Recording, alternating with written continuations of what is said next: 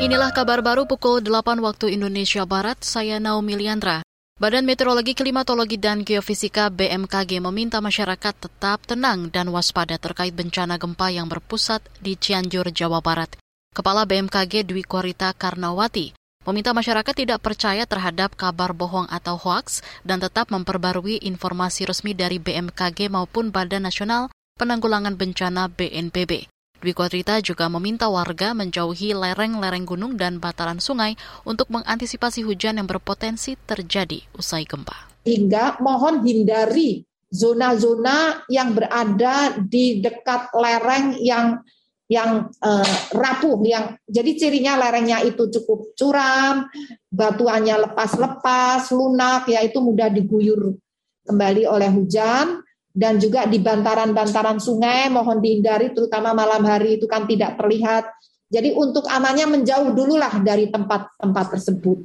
Terus memonitor informasi dari BMKG. Kepala BMKG Dwi Korita Karnawati juga meminta warga memastikan kondisi ketahanan bangunan sebelum memasuki rumah usai gempa terjadi. Ia memperkirakan gempa susulan masih terus terjadi. BMKG mencatat terjadi gempa dengan magnitudo 5,6 diikuti 25 gempa susulan pada Senin kemarin. BMKG masih mendata dua pergerakan sesar Cimandiri dan sesar Padalarang untuk mencari tahu penyebab gempa bumi dangkal itu. BNPB mencatat gempa menewaskan lebih dari 62 orang, ratusan orang luka dan 13 ribu orang mengungsi.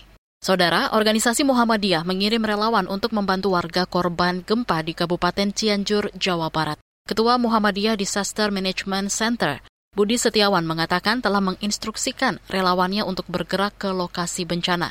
Selain mengirim relawan, Muhammadiyah juga mengirim tim bantuan medis yang terdiri dari dokter, perawat hingga tenaga farmasi dari Rumah Sakit Muhammadiyah Bandung dan RSI Pondok Kopi Jakarta.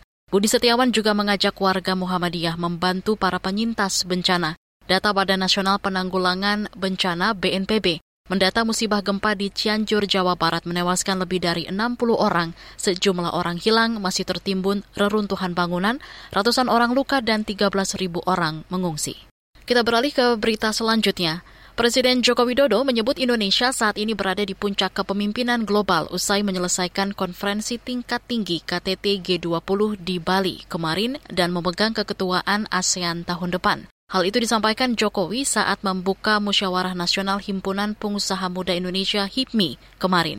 Jokowi mengatakan posisi saat ini merupakan bentuk kepercayaan dunia internasional terhadap Indonesia yang harus dijaga. Presiden menambahkan kondisi perekonomian Indonesia yang baik jika dibandingkan dengan negara-negara G20 lain menjadi salah satu indikator kepercayaan dunia global terhadap Indonesia meningkat. Hal seperti ini yang menumbuhkan kepercayaan trust global terhadap kita. Kalau sudah muncul trust, muncul kepercayaan, apa yang akan terjadi? Sama seperti kalau kita pengusaha, punya perusahaan, punya produk. Kalau dipercaya, jual barangnya itu mudah Presiden Joko Widodo mengatakan saat penyelenggaraan KTT G20 lalu, ekonomi Indonesia di kuartal 3 tahun 2022 berada di angka 5,72 persen dan angka inflasi masih di posisi yang dapat dikendalikan.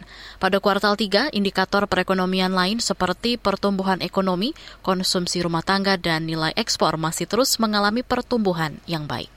Demikian kabar baru, saya Naomi Liandra undur diri.